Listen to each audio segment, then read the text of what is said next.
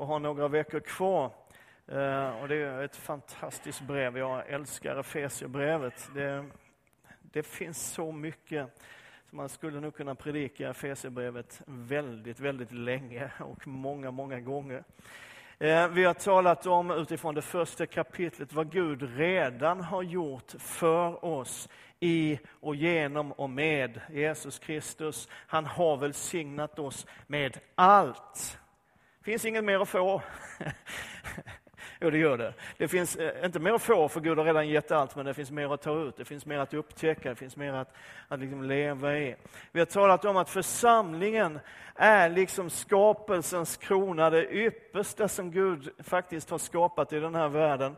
Därför att församlingen är fullheten av Jesus. Den är här för att vara allt det som Jesus är och visa människor, skapa bilden, göra bilden av Jesus Kristus tydlig och, och känd bland människor. Vi har talat om nåd, att det som eh, Gud har gjort och det Gud gör, det kan inte förtjänas. Det är så skönt. För om vi skulle förtjäna allt det Gud har gjort, så hade vi inte fått så mycket eh, som vi har fått. Eller hur? Eller hur? Ja. Ja, du kanske tycker du har, jag, jag har inte förtjänat något, du, du kanske har det, men, men inte jag. Och vi har talat om vad Gud, att Gud har gjort oss som var främlingar, som var exkluderade, som var utanför. Oss har han gjort, predikade Peter förra söndagen, till medborgare i sitt rike och gjort oss till en del i sin familj. Gud bygger ett hem av sin församling. Han bygger ett tempel. Men nu ska vi gå in i kapitel 3, och så ska vi börja i kapitel 3 och sen så ska vi hoppa tillbaka till kapitel 2 väldigt snabbt. Men eh, vi, vi börjar i alla fall i kapitel 3. Där står det så här. Därför böjer jag, Paulus, mina knän, jag som är eh, Kristi Jesu fånge för er skull, ni hedningar. Det, det, låter nästan som en förolämpning, men, men, det är det inte. Utan det är bara ni som inte är judar. Det är det han menar. Ni har ju hört om det uppdrag som Gud i sin nåd gav mig med tanke på er. Hur jag genom en uppenbarelse lärde känna hemligheten så som jag redan i korthet har skrivit. När ni läser detta kan ni förstå vilken insikt jag har i Kristi hemlighet. I tidigare släktled har den inte avslöjats för människor. Ska vi ha med den också? Så. I tidigare ehm, släktled har den inte avslöjats för människor så som den nu genom anden har uppenbarats för hans heliga apostlar, profeter. Och så kommer förklaringen av vad som är Kristi hemlighet. Den innebär att hedningarna i Kristus Jesus och genom hans evangelium är våra medarvingar och tillhör samma kropp som vi och har del i samma löfte. Och detta evangelium har jag blivit satt till att tjäna i kraft av den gåva och nåd som Gud har gett mig genom sin mäktiga kraft. Amen. Och det här avsnittet börjar med ett därför. Och det här har jag sagt förut och det är viktigt och det är viktigt i din bibelläsning när du läser Bibeln hemma också. Om det står ett därför någonstans i texten så pekar det alltid tillbaka på någonting. Så då, när man kommer till ett därför så funderar på varför? Vad är det han talar om för någonting? Paulus har sagt någonting tidigare här som enligt den svenska bibelöversättningen i alla fall eh, får honom att falla ner i tillbedjan. Det står inte riktigt så i den engelska översättningen, där kommer knäfallet lite senare, men svenskan har med det två gånger, vi kommer dit. I avsnittet tidigare i kapitel 2 så berättas det om hur Gud av två folk, det judiska folket och alla andra som då går under samlingsbeteckningen hedningar. Av de två har Gud skapat ett folk. Det står så här i kapitel 2. På den tiden var ni utan Kristus, utstängda från medborgarskapet i Israel, utan del i förbunden med deras löfte. Ni var utan hopp och utan Gud i världen. Men nu, genom Kristus Jesus, har ni som tidigare var långt borta kommit nära genom Kristi blod. Han är vår frid, Han som har gjort de två till ett och rivit skiljemuren, fiendskapen, i sin kropp. Detta skedde när han i sitt kött tog bort fiendskapen, lagen med dess bud och stadgar, för att av dem båda i sig skapa en enda ny människa. Och så skapa frid.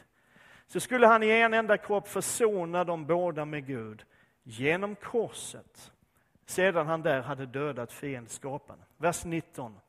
Alltså är ni inte längre gäster och främlingar, utan medborgare tillsammans med de heliga och tillhör Guds familj.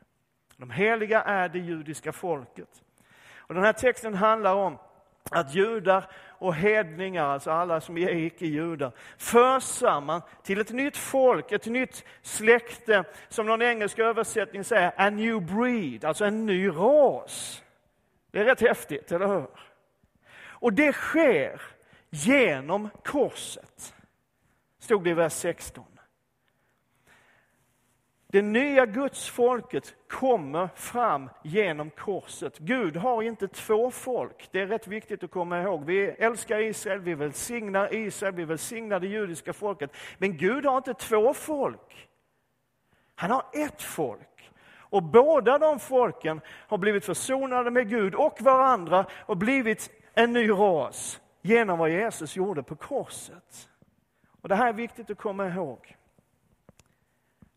Och den sanningen, att Jesus på korset sammanfogar och skapar en, ett nytt folk. Den sanningen är så stor, den är så överväldigande så Paulus faller ner på sina knän. Därför att de som inte var utvalda har blivit utvalda. De som var långt borta har kommit nära och de som var gäster och främlingar har blivit medborgare och familj. Och det finns något som jag tycker är spännande, jag ska lägga lite fokus på eh, i dagens predikan. Som jag tycker är spännande och intressant när man tänker på vilket folk Gud kallade från början och vilket folk han sen bygger vidare sitt rike på. Att när Gud väljer och när Gud kallar så väljer han inte och kallar inte det som är stort och mäktigt och imponerande. Eller hur? Utan tvärtom, det är som att Gud alltid väljer det lilla, det bräckliga, det otillräckliga. Vet, Gud valde ett folk, det judiska folket, med syftet att Jesus skulle födas ur och genom det folket. Det var själva syftet med utväljandet av Israel. Och det är precis som att, att Gud, när han ska välja ett folk som ska bära löftet och så småningom föda fram världens frälsare, Guds son Jesus Kristus. Då är det precis som att Gud kan inte finna ett tillräckligt litet och tillräckligt oansenligt folk för den uppgiften, så han skapar ett nytt folk. Och så väljer han Abraham och Sara. Du som har läst Bibeln, du känner igen berättelsen. Han väljer Abraham och Sara som är alldeles för gamla för att kunna få barn ens. Och de får löftet om att bli ett folk som är så stort så att man inte kan räkna dess antal. De två. Och här är en poäng, och det här, det här vill jag att du ska ta med dig, den här tanken, genom predikan idag. Ta den gärna med dig hem också. Sätt den på kylskåpet eller någonting. Därför det här, är, det här är så viktigt. Gud skapar ur det omöjliga. Och du, vet, du, kan, du kan applicera den tanken på nästan vilken situation du än befinner dig i just nu. För att ibland är vi, du och jag, i situationer som känns rätt omöjliga, eller hur? Ibland är det som om all motstånd i hela världen, alla motgångar, varenda uppförsbacke som någonsin har funnits i den här världen, liksom har sammanförts och blivit vägen som är framför dig. Och det, bara, det är fullständigt omöjligt. Men Gud skapar ur det omöjliga.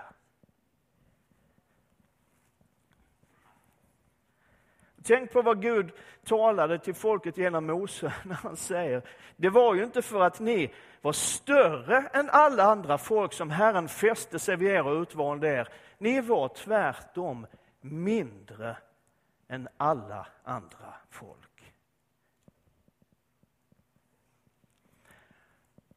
Och det sättet att arbeta fortsätter. Du vet, när löftet är uppfyllt, när syftet med att välja det judiska folket har nått sin fullbordan och Jesus Kristus, Guds son, har fötts in i den här världen, så börjar Jesus med att bygga det nya Guds riket, att skapa det nya Guds folket.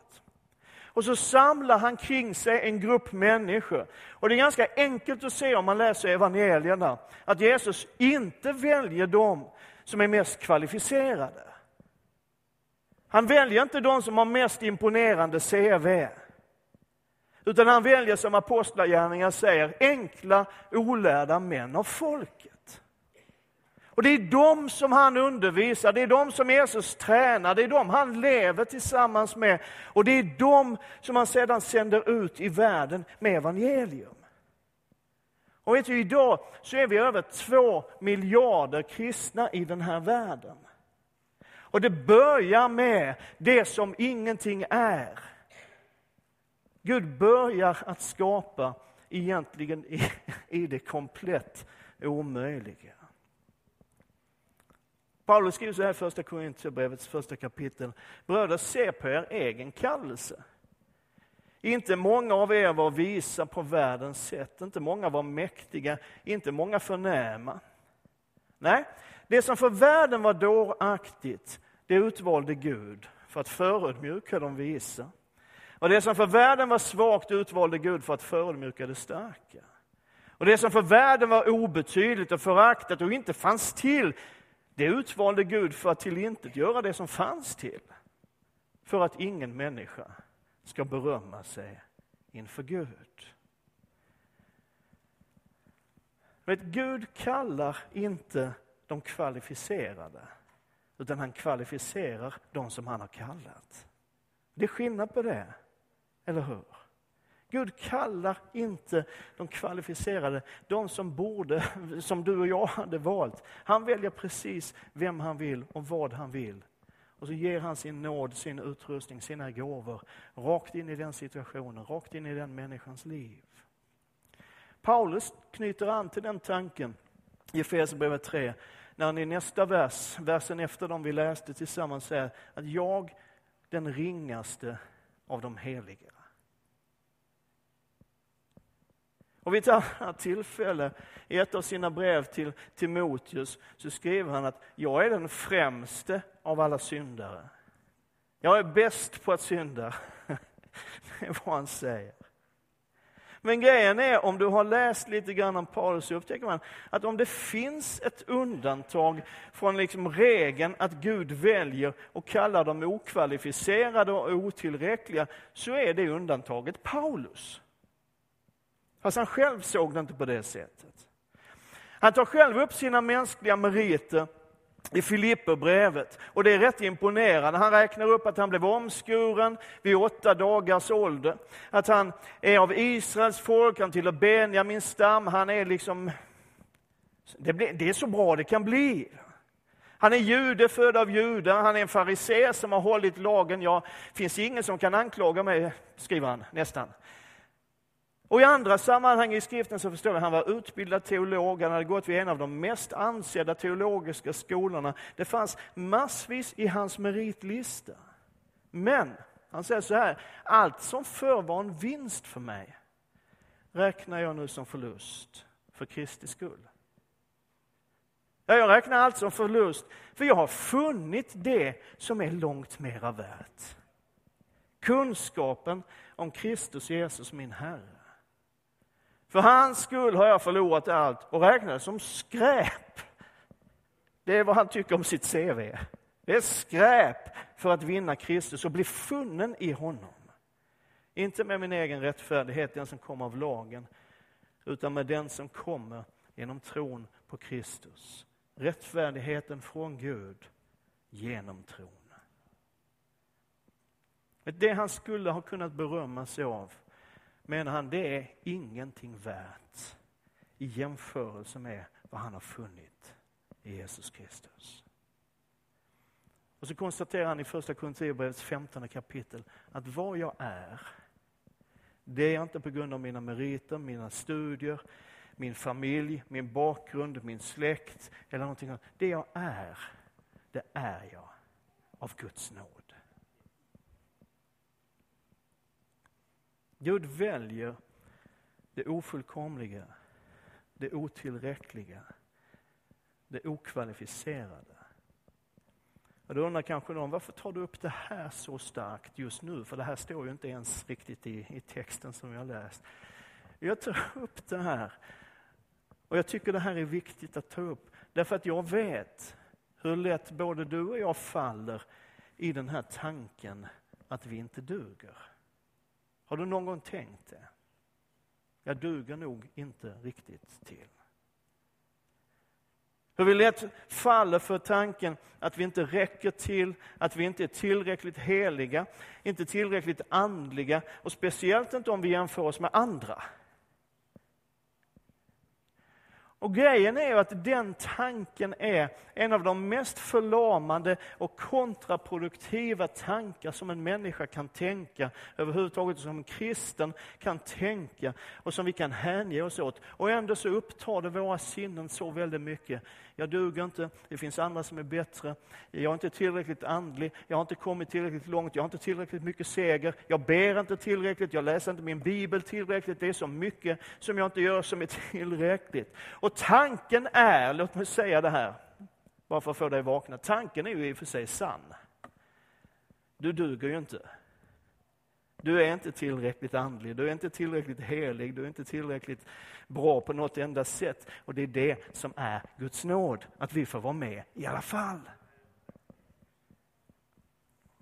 Och Jag skulle så önska att du kunde se i den situation du befinner dig, Guds fantastiska plan att skapa ur det omöjliga. för Gud ser någonting annat än det vi ser. En människa ser det som är för ögonen, men Herren ser till hjärtat. Gud såg en folkledare i en mördare som dessutom påstod att han inte kunde tala offentligt, Mose. Gud såg en kung i en enkel herdepojke, David. Gud såg world shakers, världsförändrare i en grupp enkla, olärda män av folket. Gud såg en apostel, en världsevangelist i en farisé som det står andades hat och mordlust. Och man kan fortsätta ganska länge med den listan där Gud ser någonting som ingen annan har sett. Vi kan fortsätta den genom historien, jag kan fortsätta med den ända in i mitt liv. När Gud såg en pastor där alla andra såg en strulig tonåring med finnar och uppror. Så frågan blir och är, vad ser Gud när han ser på dig? Du vet, Gud skapar ur det omöjliga. Det finns ett därför till i den här texten som är dagens textavsnitt. Från vers 14. Därför böjer jag mina knän för Fadern. Han från vilken allt vad Fader heter i himlen och på jorden har sitt namn. Jag ber att han i sin härlighetsrikedom ska ge kraft och styrka åt er inre människa genom sin ande och att Kristus genom tron ska bo i era hjärtan och ni ska bli rotade och grundade i kärleken. Ni ska då tillsammans med alla de heliga kunna förstå bredden och längden och höjden och djupet och lära känna Kristi kärlek som går långt utöver vad någon kan förstå. Så ska ni bli helt uppfyllda av Guds fullhet. Därför, varför? Jo, eftersom Gud har skapat ett folk av de som tidigare var främlingar för varandra. Eftersom Gud har gett oss medborgarskap i sitt rike och gett oss en plats vid familjens bord. Eftersom Gud skapar ur det som ingenting är och gör någonting av det omöjliga, så böjer Paulus sina knän och ber. Och så kommer det igen. Jag ber så att ni ska förstå. Om du kommer ihåg från första predikan i den här första kapitlet i Efesierbrevet, så säger han det där också. Jag ber så att ni ska förstå.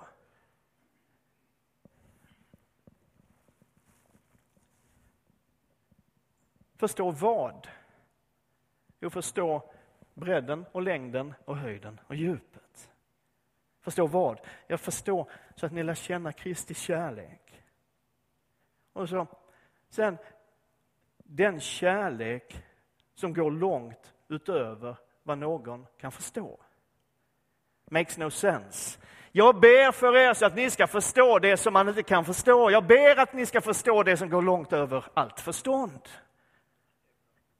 Det är hur bra som helst. Och någonstans så verkar det ju ändå då som att det som inte går att förstå, det som går långt utöver allt förstånd, går ändå genom den heliga Ande att förstå, att få en bild av på insidan, en uppenbarelse. Jag ber så att ni ska förstå.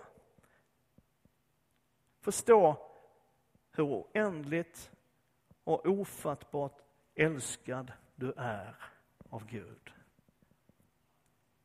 Förstå hur värdefull och dyrbar du är i Guds ögon.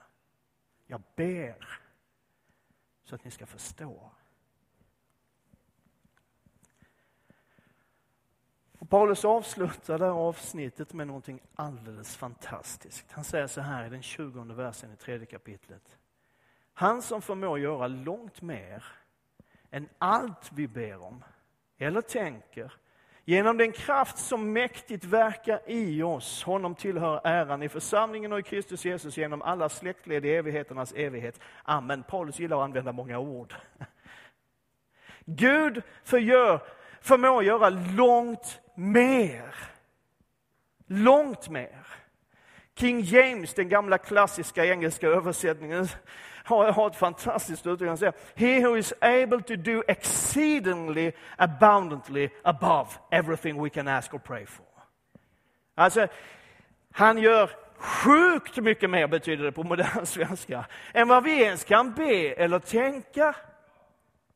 Eller NIV som vi använder här, den engelska, som säger omätbart mycket mer.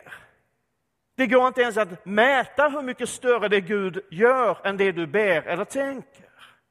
Än allt vi kan be eller tänka. Och om man skulle summera, om jag funderar genom mitt liv, jag har varit kristen i, i 36, 37, 37 år. Om allt som jag under den tiden har bett. Och ännu värre, säga allt som jag under den tiden har tänkt. Vi kan tänka rätt mycket, vi kan be väldigt, väldigt mycket. Eller hur? Men Gud kan göra långt mer, sjukt mycket mer än allt vi kan be eller tänka. Genom den kraft som mäktigt verkar i oss. Och Det där uttrycket har jag funderat en del på. Allt vi kan be eller tänka genom den kraft som mäktigt verkar i oss. Det går att förstå på två sätt. Man kan förstå det så här, och det är nog det vanligaste, att Gud förmår att göra långt mer i våra liv genom att den helige Ande är verksam i oss. Eller hur? Det är en legitim förståelse av texten. Man skulle också kunna förstå den så här, häng med nu att när vi ber eller tänker genom den kraft som mäktigt verkar i oss, det vill säga det vi ber eller tänker när vi är som allra mest i anden och under andens inflytande. Är du med mig nu? Det vi ber och tänker när vi är som allra mest under den helige Andes inflytande. När den helige Ande påverkar och styr vår bön och våra tankar så kan Gud ändå göra långt mycket mer. Och jag tror att båda sätten att, att liksom läsa det här sammanhanget är nog rätt, därför att Gud verkar genom den helige Ande i och genom oss. Men den helige Ande kan också ge oss tankar och drömmar, visioner. Den helige Ande föder en längtan och föder fram vårt hjärtas bön. Och vet du, när Gud har gjort allt detta, gett oss tankar, drömmar, visioner, fött en längtan i våra liv, fött fram bönens ande i våra hjärtan. När Gud har gjort allt det genom den kraft, den helige Ande som mäktigt verkar i oss, så överträffar han ändå allt sammans.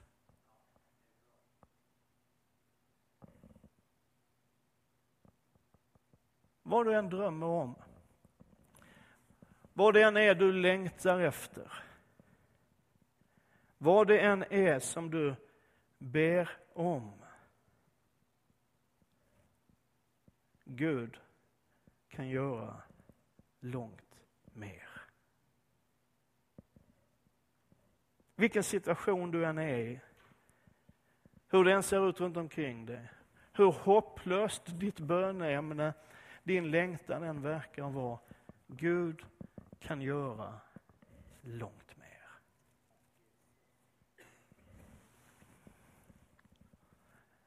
Och låt mig säga det här också, för det här tror jag är viktigt. Att Guds löften påverkas inte av din svaghet eller din otillräcklighet.